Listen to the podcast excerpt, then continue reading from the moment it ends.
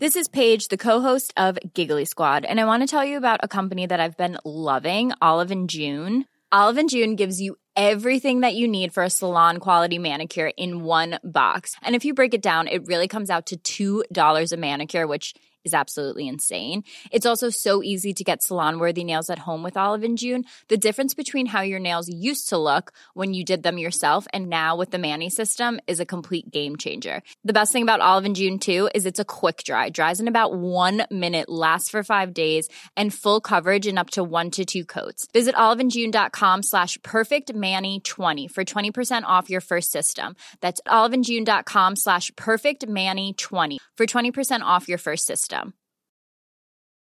Hey, I'm Ryan Reynolds. Recently, I asked Mint Mobile's legal team if big wireless companies are allowed to raise prices due to inflation. They said yes. And then when I asked if raising prices technically violates those onerous two year contracts, they said, What the f are you talking about, you insane Hollywood ass? F- So to recap, we're cutting the price of Mint Unlimited from $30 a month to just $15 a month. Give it a try at mintmobile.com slash switch. $45 upfront for three months plus taxes and fees. Promo rate for new customers for limited time. Unlimited more than 40 gigabytes per month. Slows. Full terms at mintmobile.com.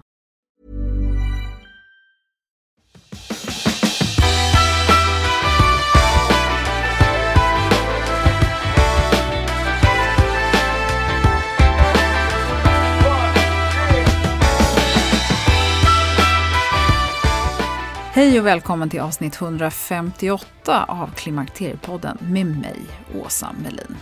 Det är jättehärligt att du är med och extra välkommen om du är en ny lyssnare, för det är så många som kommer till hela tiden. Och om du inte upptäckt hemsidan klimakteriepodden.se så kan jag varmt rekommendera den, för det är många som undrar hur man hittar innehåll och hur man ska söka bland de olika avsnitten och där är det lättast. Dessutom finns det alltid mer material där, lite länkar till olika saker och det kan du också hitta på Klimakteriepodden på Facebook och Instagram. Dessutom är ni många som letar er fram till enkla och klimakteriesmarta mattips på Instagramkontot Klimakteriekocken. Välkommen du med! Vi har ju talat mycket om sömn och vikten av sömn som återhämtning och hur omöjligt det är att styra just sömnen. Däremot så kan du bestämma dig för att du ska ge dig själv återhämtning, framförallt i form av aktiv återhämtning. Om du undrar hur man gör så är du inte ensam, för det vet inte jag heller. Så det här avsnittet blir bra träning. Dessutom lite tålamodskrävande för avsnittet är lite längre än vanligt. Men jag tror att du kommer tycka att den sista delen är väl värd att vänta på. För där talar vi om krishantering som Ulrika själv har stor erfarenhet av. Hur hanterar man trauma och varför kan det vara bra att fråga sig om du väljer dig själv just idag? Ja, den frågan är kanske inte alltid så lätt att svara på, inte för mig i alla fall. Så välkommen att lyssna.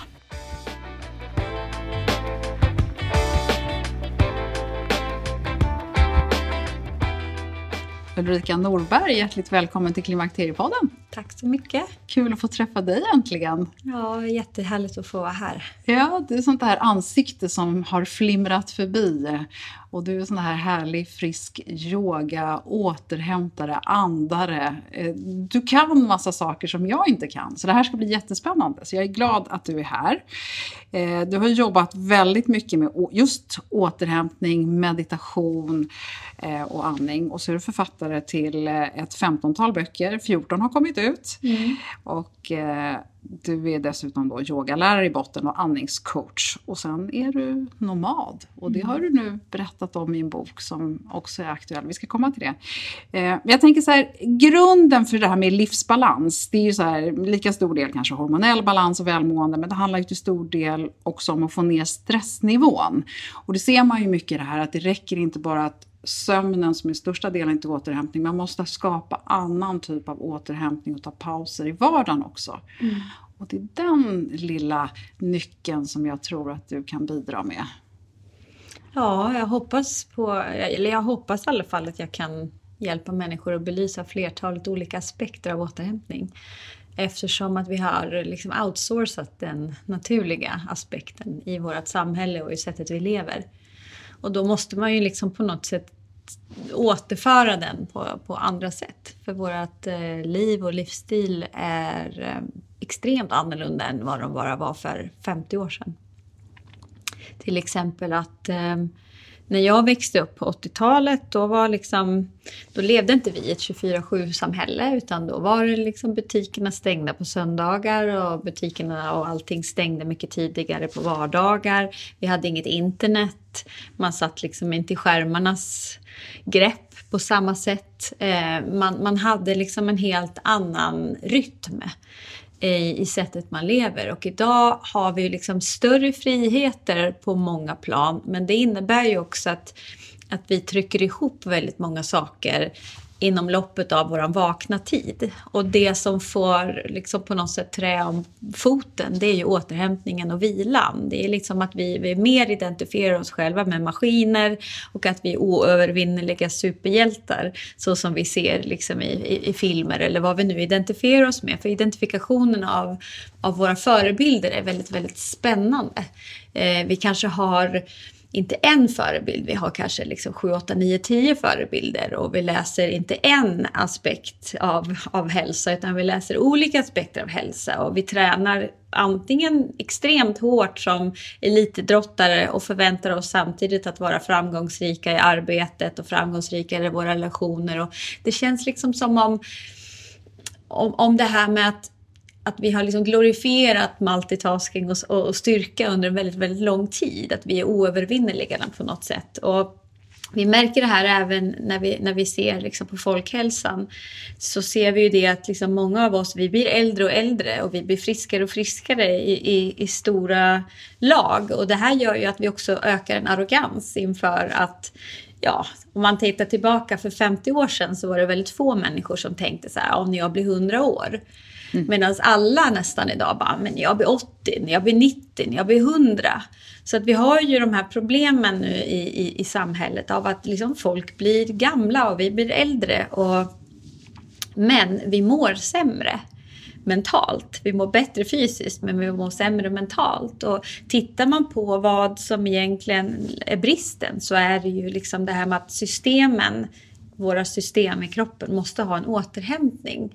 Och, och, och, många människor jag träffar till exempel, de säger ju så här, men vadå, jag sitter ju i soffan och tittar på TV och jag läser böcker och jag joggar och jag tränar ju och det är återhämtning. Nej, mm. det är det inte. Liksom. Fast det beror ju på hur ens liv och livsstil ser ut. Utan, utan för att vår hjärna ska till exempel må bra, att den ska utvecklas och att våran liksom Eh, intelligens ska fortgå och utvecklas så behöver vi så kallad nolltid. Det innebär att liksom inte systemen får massa stimuli hela tiden. Utan snarare tvärtom, att, liksom systemen får liksom släppa på stimuli. Och, och, och, det är det där som vetenskapen nu har liksom hunnit ifatt och kan liksom peka på. Så att när jag skrev min bok Återhämtning så, så fanns det ingen bok överhuvudtaget som förenade modern, modern vetenskap med gammal kunskap och insikter. Så att jag ville skriva en bok som bryggade och det är väl lite så jag har jobbat i många, många år. Därför att jag står med fötterna liksom i, i två världar lite grann. Att jag både står i den akademiska vetenskapliga världen. Jag har jobbat som journalist och jag har akademiker och, och jag träffar forskare och jag, jag liksom är i den världen. Jag förstår det språket och, och kan verka där obehindrat. Och sen så står jag även i liksom hälsa, eh, hälsodepartementet om man nu säger det, liksom att med yoga och den alternativa medicinen. Och jag, jag förstår det språket också. Och, och, sen så är jag ju även väldigt nyfiken och, och tittar också på vad säger de här anrika traditionerna? Vad har de att lära oss? Och vad har vi att lära dem? Därför att man kan ibland glorifiera vetenskap och man kan ibland stå och glorifiera andlighet. Men, men det är ju inte förrän de två verkligen möts som det blir någon sorts dynamik i det. Därför att problematiken med vetenskap som någon sorts av fast kunskap, det är att den förändras hela tiden beroende på vilka anstånd som kommer eller vad man nu är intresserad av och man forskar egentligen bara på det som man har pengar till och det finns en massa olika krafter bakom det. I den andliga eh, delen så att säga. Där har vi ju liksom krafter från religioner som också vill gå in där och styra vem som har veto för vad. Eh, och vem har tolkningsföreträde och vilken kultur är bäst och, och, och främst. Och, och, där har vi en hierarkisk liksom, problematik också. Så att om man liksom, jag har hela tiden varit intresserad för vad är essensen i, i det här och hur funkar människan? När vi tittar på uppsättningen och hur hjärnan funkar i stort och hur nervsystemet funkar i stort. Och sen har vi en individualitet menat på att vi kan inte jämföra en fyraåring med 85-åring till exempel. Vi kan inte jämföra någon som bor på Svalbard med någon som bor i Kapstaden för vi andas olika luft, vi äter olika mat.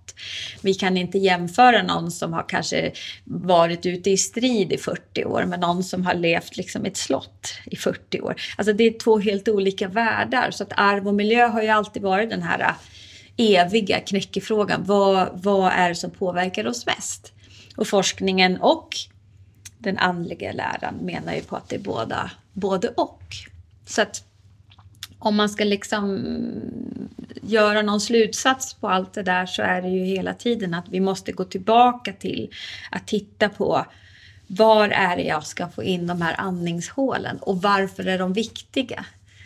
Ja, liksom... men jag liksom- tänker så här att varför plötsligt så måste vi prata om det här? Är det just för att det har intensifierats livsstilen så mycket? Eller är det för att vi som kvinnor någonstans, nu är du lite yngre än jag, men, men sån 45 plus så börjar man plötsligt känna behov av det? Eller varför pratar vi plötsligt om det här? Jag tycker att det är intressant att se att det liksom just nu kommer så mycket om det. Jag tror att det är lite olika anledningar. Den största anledningen tror jag är att vi ser i Europa idag en över 400 i ökning av mental ohälsa. Som vi vet om på papper. Eh, och det här kommer ju vara mycket, mycket, mycket större i nästa undersökning efter covid. Vi ser till exempel en enorm depression, vi ser ökat självmord, vi ser liksom att till trots att vi får det bättre liksom rent strukturellt och ekonomiskt och liksom mellan könen, vi jobbar åt rätt håll, så, så mår vi sämre rent mentalt. Det är någonting som vi inte kan devalvera. Vi kan inte tryckutjämna på rätt sätt, vi människor i västvärlden. Även i andra liksom, i-länder också. Så, så dels är det ju liksom att det är någonting här som pekar på att vi har en bristande förmåga att kunna liksom hantera våra liv på rätt sätt så att för att vår, vårt välmående ska må bra. Och det här är ju enormt problematiskt för alla stater för det kostar vansinniga belopp, eh, våran ohälsa. Så att vi lever ju i en otroligt sekulariserad tid när det gäller hälsa. För vissa mår jättebra och prioriterar. Men det har ju också att göra med att vi ser ju också en ekonomisk osämja här. Att många människor som har pengar, de kan ju liksom investera mycket i sin hälsa. Men det finns inget garanti för att du mår bra mentalt heller. Så att, så att det här finns liksom ingen det finns liksom ingen som slipper undan det här och det är intressant. Och då är det ju så här, om man tittar på forskningen så, här, eh, eh, så är det ju den andra anledningen då. Det är ju just det här med att vi, vi har identifikationen med att det som inte syns, det finns inte.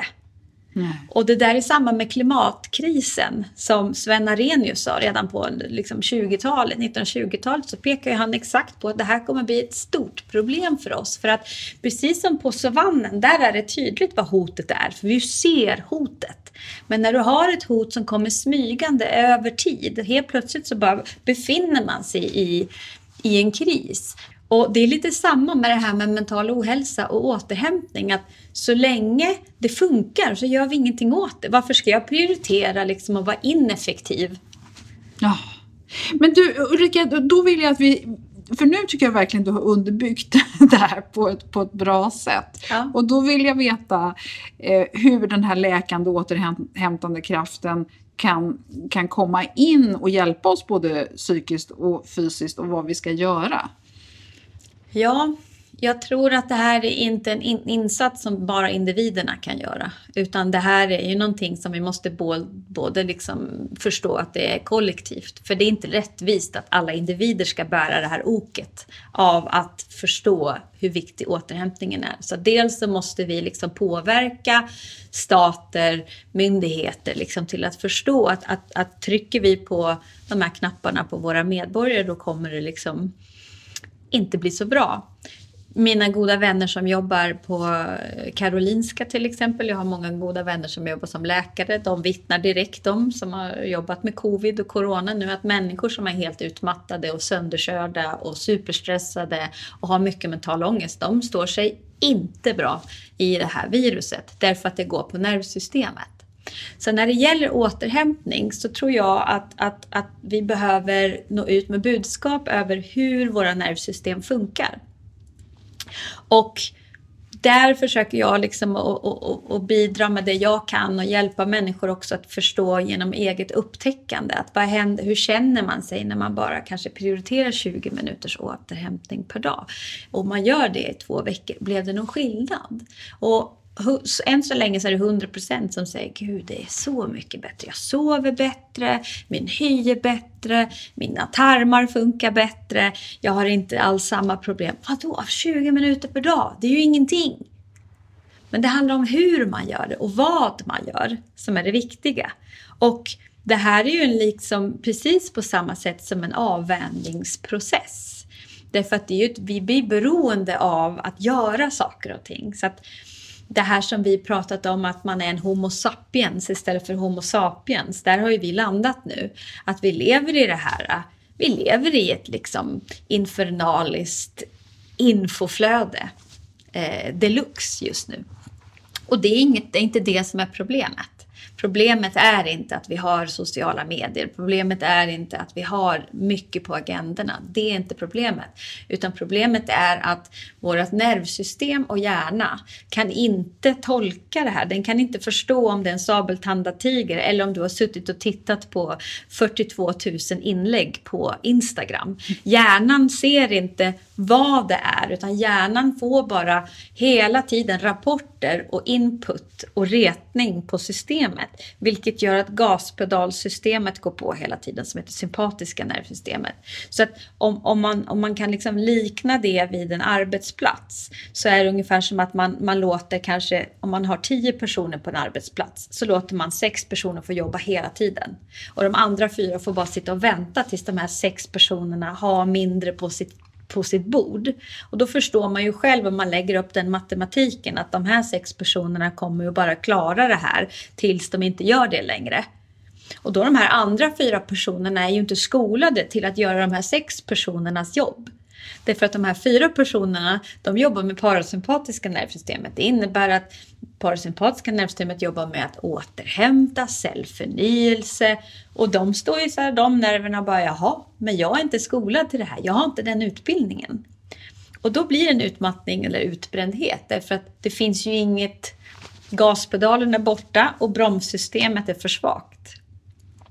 Så att det är det som är liksom en utmattning eller utbrändhet. Och när man gör det, ja men då måste ju liksom nervsystemet få någonting att gripa tag i för att på något sätt kunna starta sitt arbete igen.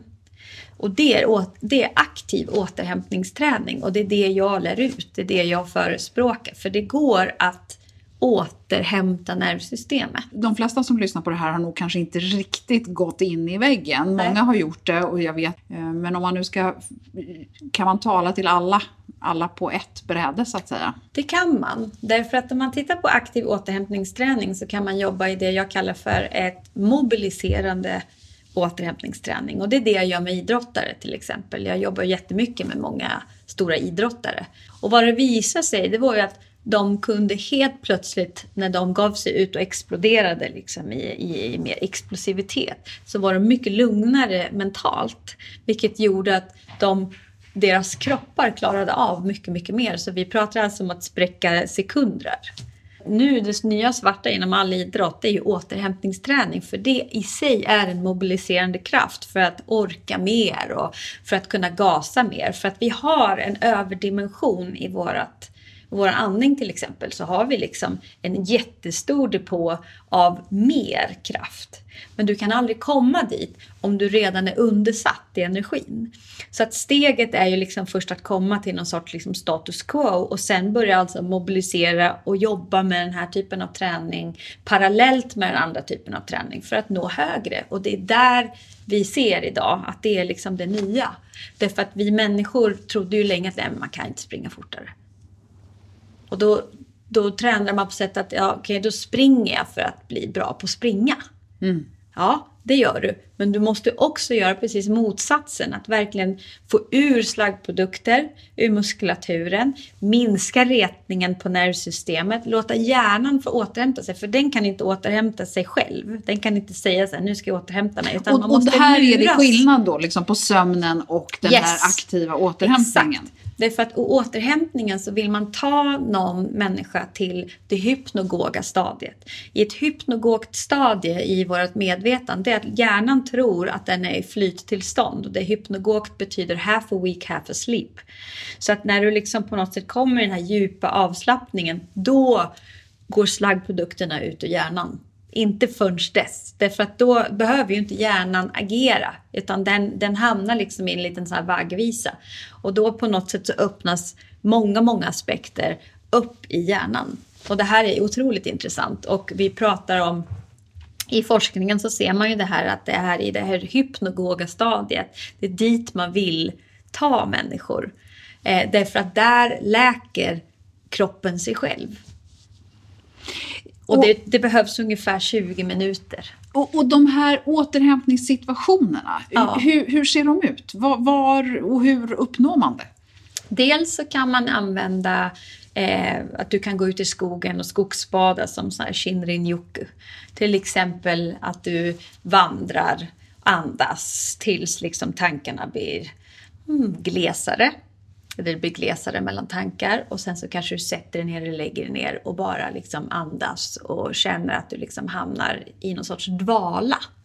Då är man i, i ehm, det här hypnogoga stadiet. Där kan man ligga i fem minuter och då är det ett sätt att liksom på något sätt gå ut och hjälpa systemen. Eller så kan man jobba med det som heter yoga nidra. Det är liksom som vägledd eh, djupavslappning, det är en meditationsteknik och det finns ju på, eh, på Youtube och det finns massor med yoga nidras att tillgå. Man kan också jobba med yoga i något som heter restorative yoga och där använder man liksom olika redskap som kuddar och klossar för att liksom försätta kroppen i passiva positioner och så ligger man och bara slappnar av i kroppen tills kroppen tror att den är viktlös.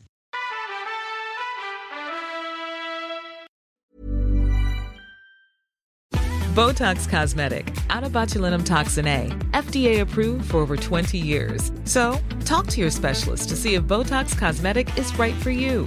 For full prescribing information, including boxed warning, visit BotoxCosmetic.com or call 877-351-0300. Remember to ask for Botox Cosmetic by name.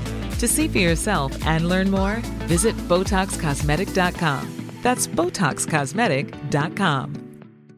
Hey, I'm Ryan Reynolds. At Mint Mobile, we like to do the opposite of what Big Wireless does. They charge you a lot, we charge you a little. So naturally, when they announced they'd be raising their prices due to inflation, we decided to deflate our prices due to not hating you.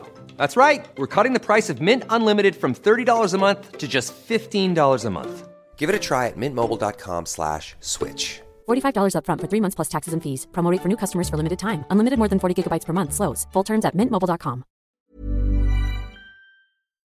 Det är härligt att klimakteriets tabu äntligen är på väg bort. Vill man försöka klara sig utan hormonbehandling så finns nu många nya kosttillskott som lovar bland annat hormonell balans och som ska stötta brister. Jag vill lyfta min räddare i nöden, femarell. Det har inte bara varit min utan många andra kvinnors räddning i över 20 år. Och med lång tid på marknaden, med nöjda användare, dessutom med 20 forskningsstudier så vågar jag säga att det kan vara en god idé att prova femarell. Femarel finns på apoteken och i hälsokostbutiker. Tack Femarel som varit min samarbetspartner i många år.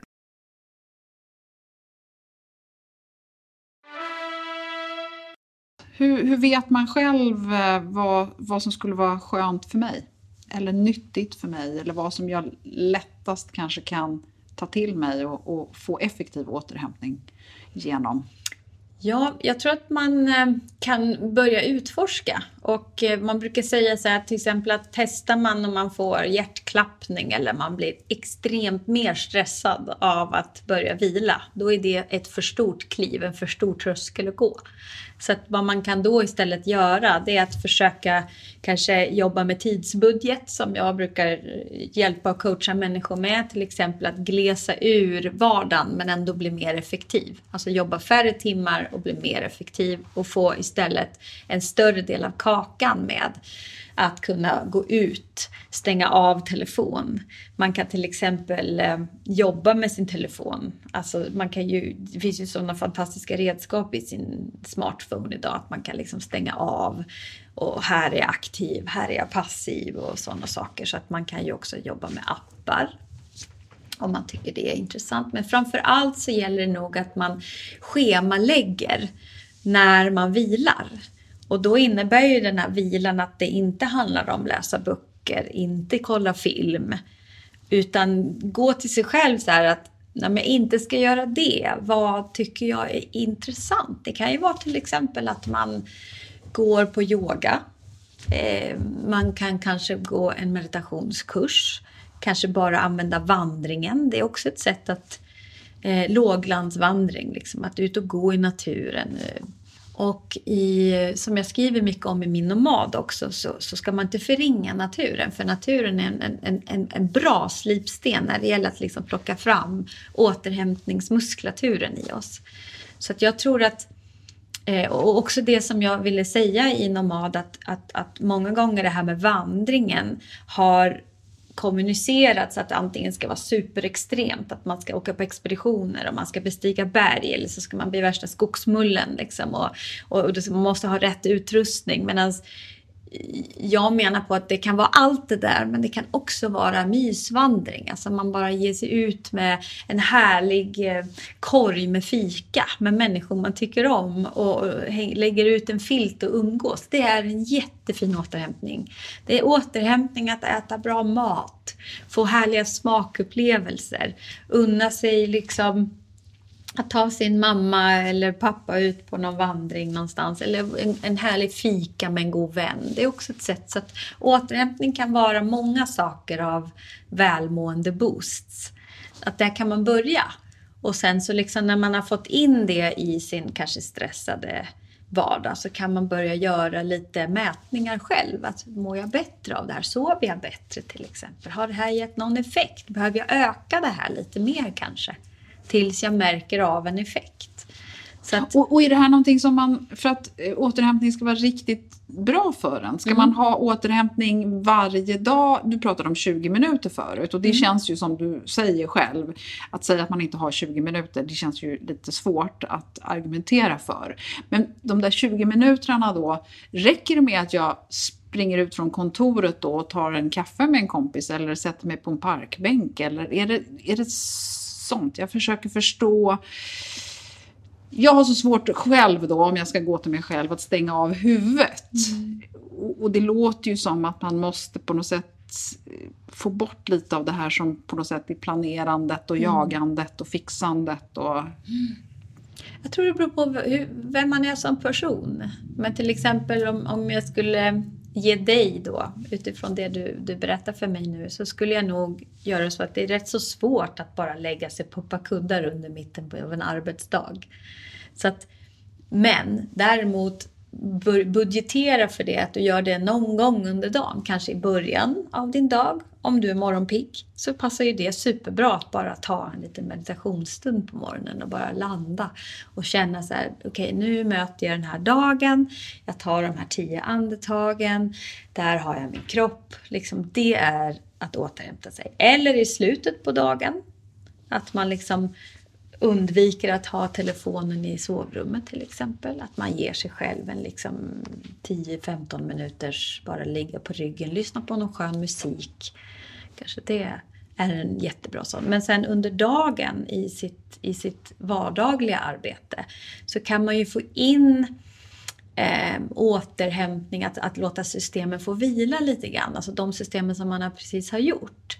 Och där är det ju spännande för det fanns en forskare som heter Ernest Rossi som vann Nobelpriset då i medicin för en massa herrans år sedan. Och han var ju den som lyckades bevisa att vi har en biorytm. Det innebär alltså att vår biologi har en rytm och ju mer vi kan på något sätt jobba med den desto hälsosammare blir vi. Och vad han lyckades visa då det är att vi människor kan vara väldigt aktiva i 180 minuter ungefär. Eh, och det är ju liksom två och en halv timme när vi kan liksom vara fokuserade på en uppgift. Och, och han, han gjorde studier på arbetsplatser där de började bara observera hur människor beter sig. Mm. Och då är det ungefär så att efter två och en halv timme nu kan du sitta superkoncentrerat vid ett dokument. Sen automatiskt så reser man på sig och går på toa eller hämtar kaffe eller du vet, går och hämtar lite frukt, frukt eller går och snackar med i 20 minuter. Och sen så går man tillbaks igen och kan jobba idag när vi ser bristfälligheter på arbetsplatser, det är att när de här 20 minuterna händer, vad vi gör då, att vi fortsätter att trigga systemet genom att ta upp vår telefon. Och fortsätta mm. liksom. Och eller det... passa på att göra de där samtalen, eller passa Exakt. på. Exakt. Exakt, så vad vi egentligen borde göra om man har då 20 minuter att spela på, börja 10 minuter med att kanske bara gå omkring, ställa sig och titta ut genom ett fönster och ta några andetag och blicka ut över närmiljön. Eller om man hinner ta en liten kort promenad bara och sen tillbaks och göra de där samtalen 10 minuter. Sen går man in i sitt så om jag hör dig rätt så är återhämtning det är någonting som helt bryter mönstret mot det som du egentligen ja. håller på med. Så att du får hjärnan fattar att nu behöver jag inte vara så på. Ja, så du kan säga att det är precis det, det att när din telefon har slut med batteri, då stoppar du in den och laddar den innan du kan använda den. Det är samma sak mm. här. Mm. Så att du måste liksom på något sätt gå till din laddningsstation. Och laddning kan vara just att bara efter två och en halv timme, bling, så kommer det en liten avisering att okej, okay, lägg ner allting du har, ställ dig upp, kanske rör på dig, gör lite mjukgörande. Men gå bort från skärmen, gör någonting annat. Mm. Mm. Ta, och, och, och det gör att du inte då sätter systemen i sank. Men har man redan satt systemen i sank så behöver man mer träna upp prestandan i de här systemen för de är försvagade. Och då krävs det lite mer än bara att titta ut genom fönstret? Ja, exakt. Så det kan hjälpa, vissa människor kan det bara hjälpa av att bli påmind. Just ja. ja men jag behöver bara ta en liten promenad mm. och, och, och, börja liksom glesa ur min min vardag lite grann. Så helt plötsligt så kickar liksom systemen tillbaka. Medan andra behöver mer jobba aktivt. Mm. Så att, där, så att man behöver inte bli en yogi och nej. man behöver inte bli en nomad och, och man behöver inte vara superproffs på att andas heller. Men jag är jättenyfiken på det här med andning. Ja, andningsträning, apropå det vi just har pratat om, är ju egentligen... Det, andningen är ju den funktionen i vår kropp som är både viljemässig och automatisk. Därför den ligger liksom 50% under två olika aspekter av vårt nervsystem. Så 50% styrs av centrala nervsystemet. Vilket är viljemässigt, där du kan liksom bestämma själv att nu ska jag andas in, nu ska jag andas ut. Då kopplar du på ditt viljemässiga system. Och sen 50 händer, ligger under autonoma nervsystemet, alltså per automatik. Därför att om man inte tänker på det så andas du ju i alla fall. Det, så att det autonoma nervsystemet är det som sköter gasutbytet hela tiden. Och då är det precis på samma sätt att har man då tryckt det här i sank då får vi problem i vår andning. Och det kan man se i våra andningsmönster till exempel att många får ju toppandning. Det tror jag är väldigt kvinnligt det här man... Ja. Lilla fågeln som Exakt. sitter där. Precis. Och när man får det då blir ju bröstkorgen väldigt spänd. Muskulaturen då i våran bål och våra kår blir undersatt. Så till exempel muskulaturen mellan revbenen blir försvagade, vår diafragma blir försvagad, vår bukmuskulatur blir försvagad, vår bäckenbotten. Så det är så många muskler som automatiskt blir svagare när vi har en dålig andning.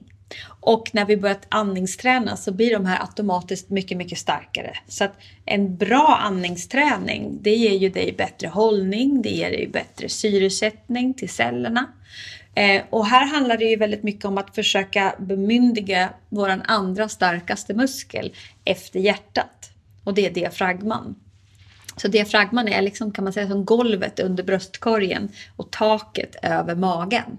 Det är en fantastiskt häftig muskel och som vi vill hålla rätt så stark. Liksom, och att, den, liksom, att, att den rör sig upp och ner och när den gör det då, då mår vi bra. Vi blir piggare och då trycks ju syrerikt blod upp till huvudet och vi kan koncentrera oss bättre. Så att, i yoga till exempel, där gör vi ju alla positioner för just att främja andningen.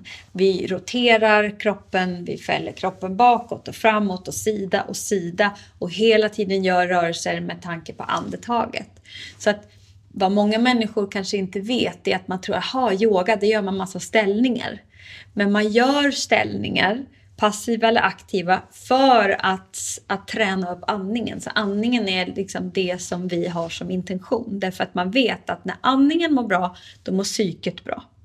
Mår psyket bra, mår magen bra. Mår magen bra, mår kroppen bra.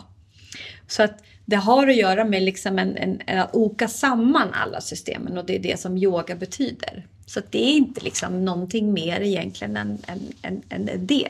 Men när du pratar i din bok om återhämtning ja. och, och, andning där. Det som var en aha för mig var, jag har alltid fått för mig att det är det här att man ska andas med magen. Att då tar man djupa andetag. Mm. Men du pratar ju väldigt mycket om att man, just det här som du beskrev så bra nu med den här botten. Att man liksom på något sätt, man blir stor, man ser den här trekantiga hulken framför sig. Ja. Vad, vilken, det här med mage respektive den här diafragmaandningen, hur, vilken ska man använda? Om man säger så här, det, det råder ju en liten språklig diskrepans här. Därför att när man säger andas med magen, då menar man egentligen att man vill ha övre magen, alltså solarplexus. Mm. Medan buken ska vara stilla. Ja, den behöver inte den ska inte puta ut för att så fort du putar ut med magen då tappar du ju hållningen. Då sätter du ju och svankar rätt så mycket. Så att du vill ha lägre delen av magen stilla och istället jobba där du har de flesta andningsmuskler, alltså transversus abdominis, alltså muskulaturen runt lägre delen av bröstkorgen.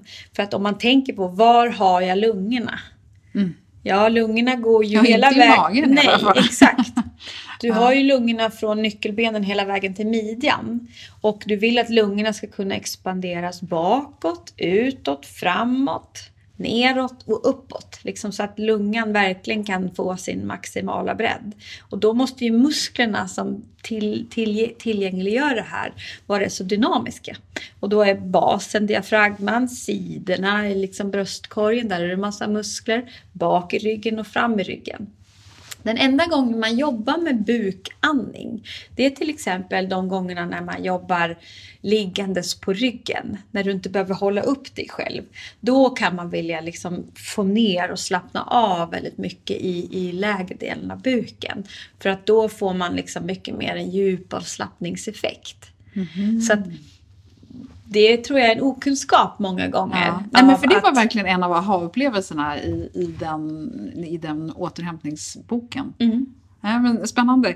Du Ulrika, vi ska inte hålla på så himla mycket länge till men jag vill att vi pratar om det här. Jag tycker det är ett väldigt eh, vackert kapitel i Nomad som handlar om att, att välja och leva. Och när livet ger oss utmaningar så kan vi verkligen behöva stöd och verktyg. Och det, det finns mycket spännande tankar kring liv och död. Mm. Eh, vill du dela lite av dina tankar med det här kapitlet och hur du själv har tänkt när du har skrivit det här?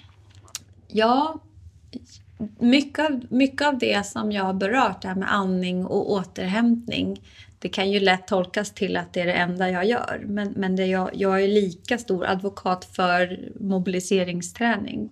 Jag tror på att man måste ha en orkestrering av olika outlets. Liksom. Både att man stärker upp kroppen och att man återhämtar. Men det här med kris eh, är för mig intressant därför att jag själv har gått igenom väldigt många olika utmaningar i mitt liv. Rätt så stora trauman på många olika sätt.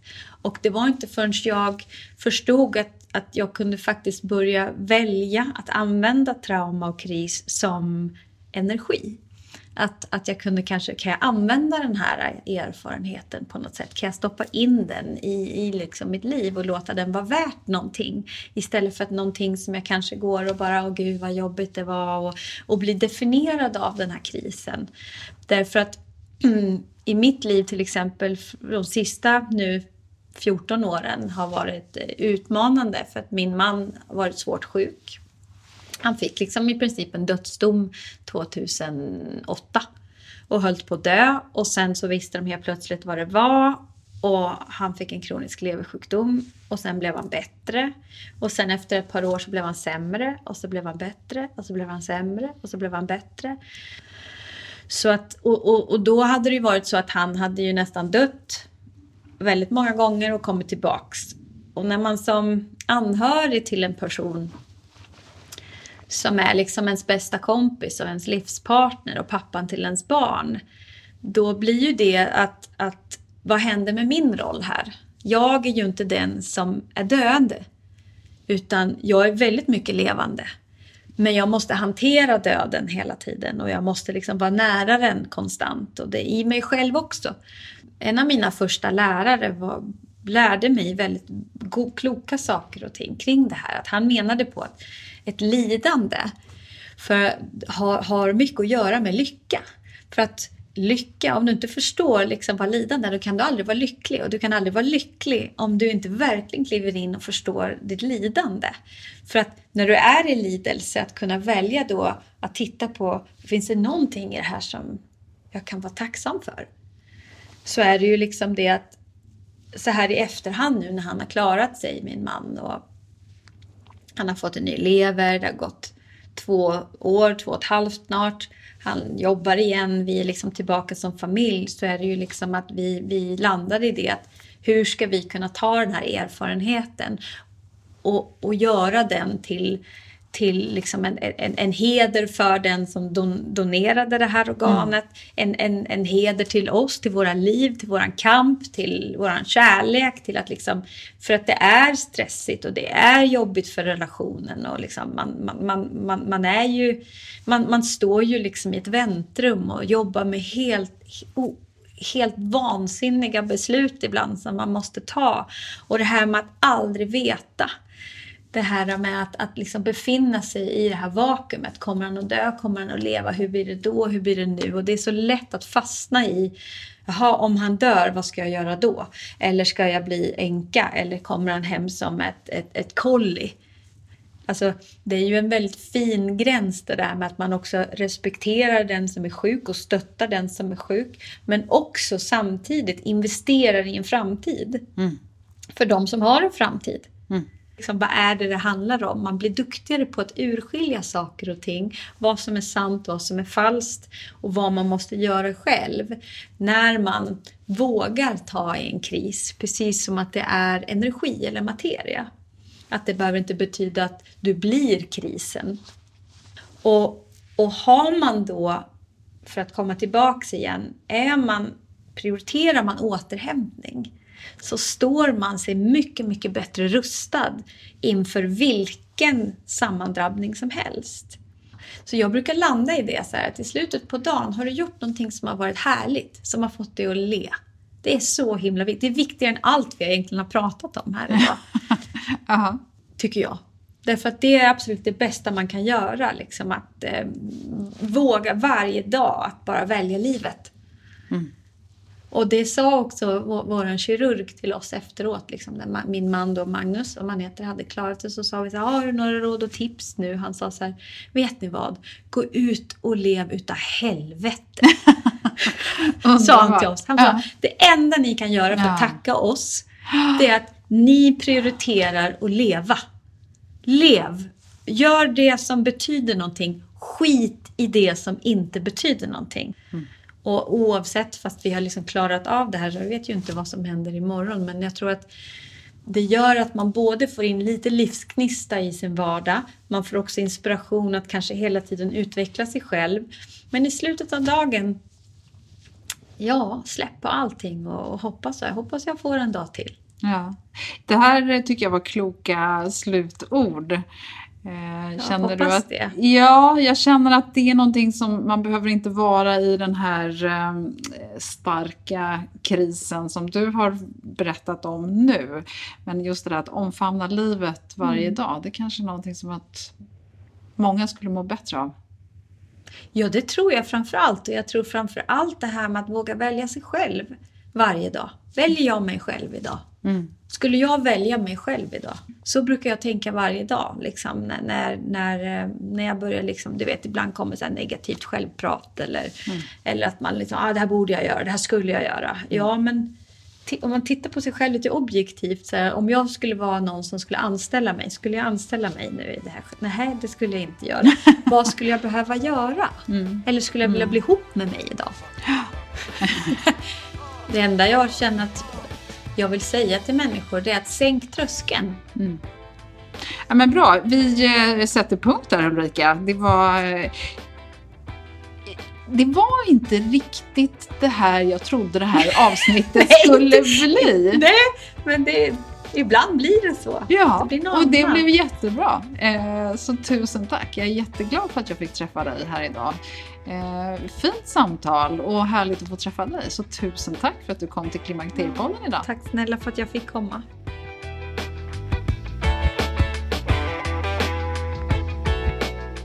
Men hoppas du känner energi och att du har fått värdefull ny kunskap. Och kanske finns det någonting här som du kan applicera i ditt liv. Dessutom så kommer Ulrika tillbaka om några veckor och då ska vi tala om vad den indiska läkekonsten ayurveda har att lära oss om klimakteriet och hur man kan hantera de olika faserna med de ögonen. I nästa avsnitt så ska vi träffa gynekolog Silla Salamon som ger oss svar på många vanliga och ovanliga frågor hon möter bland oss kvinnliga patienter 40 plus. Så missa inte det. Och vill du ha mer om avkoppling, avslappning och olika tekniker så kolla in avsnitt 43 med Daniel Ek och 143 med Ellen Engvall. Tusen tack för att du har varit med idag och välkommen snart igen. Hej då!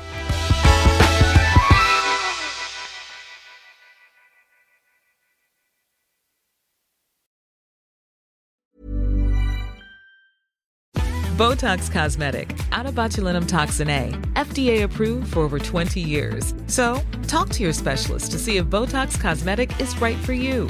For full prescribing information, including boxed warning, visit BotoxCosmetic.com or call 877-351-0300. Remember to ask for Botox Cosmetic by name.